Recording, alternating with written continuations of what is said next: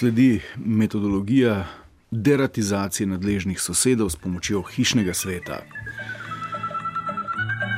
Oziroma Forum 69 danes na poljanah domače, ekološko pridelane, samo s pop TV špricane domače pameti, tokrat ena uh, onkraj zakonska klasika slovenskega blokovskega divjega zahoda.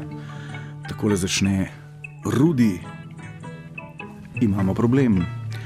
Živimo v bloku, sosed ima v stanovanju psa, ko lastnice ni doma, en pes zelo glasno laja, ker gre za enosobno stanovanje, stene pa so tanke in še zračnike v kopalnici. Tako se laješ sliši skoraj tako na glas, kot da bi lajal v našem stanovanju. Poskusili smo pobutati po stenah, pa nič. Prosim za predloge, kaj naj naredimo. Mislil sem takole, da bi še enkrat lepo rekel in jo opozoril, potem pa ji vrnem tako, da pomotoma sredi noči pozvonim pri njej, da ob ene treh po noči začnem zbijati. Zabijati žebel v steno, ki meji na njeno stanovanje, da ji grem pobutati po vratih, skratka, da ji pokažem, kako je to, če te budijo sredi noči. Kaj mislite, ima kdo kak boljši predlog?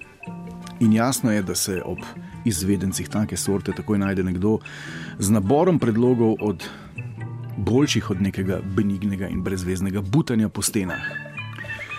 Butanje po stenah ni učinkovito, ker te ona lahko prijavi. Prijaviš ga lepo na društvo za zaščito živali, dva psa v stanovanju, pa upravljavcu, pa policijo lahko kličeš, če je pred sedmo zjutraj. Najbolje pa bi bilo, da zaigraš, da te psa ogrožata, recimo, ko se srečate na hodniku.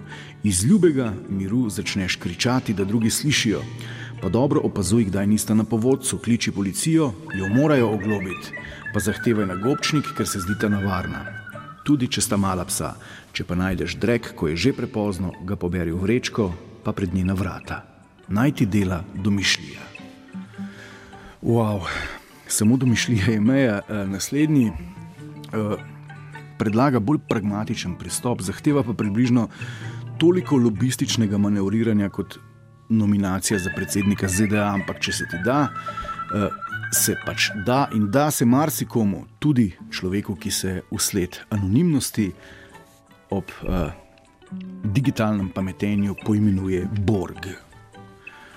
Predlagam ukrepanje preko zbora stanovalcev. Najprej lobiraj in sproži spremembo pravilnika, tako da bo ono v prekršku. Sosedi, ki jim gre nekaj skupaj na živce, se da sodelovati. Verjemi mi, v skrajnem primeru se bo morala izseliti. Brez sodelovanja zbora stanovalcev in upravnika pa bo težko kaj storiti, razen bolj divjaških metod, ki so skrajne in je problem, če te dobijo v klepaju strup. Evo, tole je modrost leta sosedi, ki jim gre nekaj skupaj na živce, se da sodelovati, verjemite mi.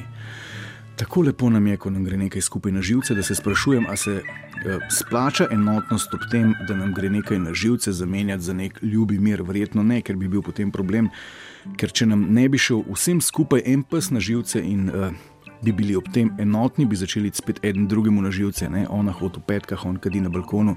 Ali ni bolje, da smo enotni v tem, da nam gre samo nekdo na živce? Vprašanje, kaj je bolje? Ne? Težko vprašanje, ampak je. Hvala Bogu za hišni svet. Še en tak predlog v izvedbi modela, ki se imenuje René z Dvana. Jaz bi si vzel čas in jo zdriblal preko hišnega sveta. Da se, verjemi mi. Potrebuje pa malo naporov. Mi smo tako že enega soseda spravili v red. Z ženo sva šla okrog sosedov in jih že vnaprej pripravila na sestanek hišnega sveta. Tako smo bili vsi enotni v tem, da je treba nekaj urediti. Ko je nadležni sosed videl, da smo vsi proti njemu, da vsi uporabljamo podobne besede in predloge, je dojel, da ni več sam na svetu. Nekoliko bolje je, ni čisto dobro, sem pa pomirjena, da ve, da ga imamo na piki in da bo spet na tapeti vseh če se ne bo spremenil. Wow. Tole ne potrebuje komentarja, skratka, pazite, da ne postanete motnja na piki vseh sosedov.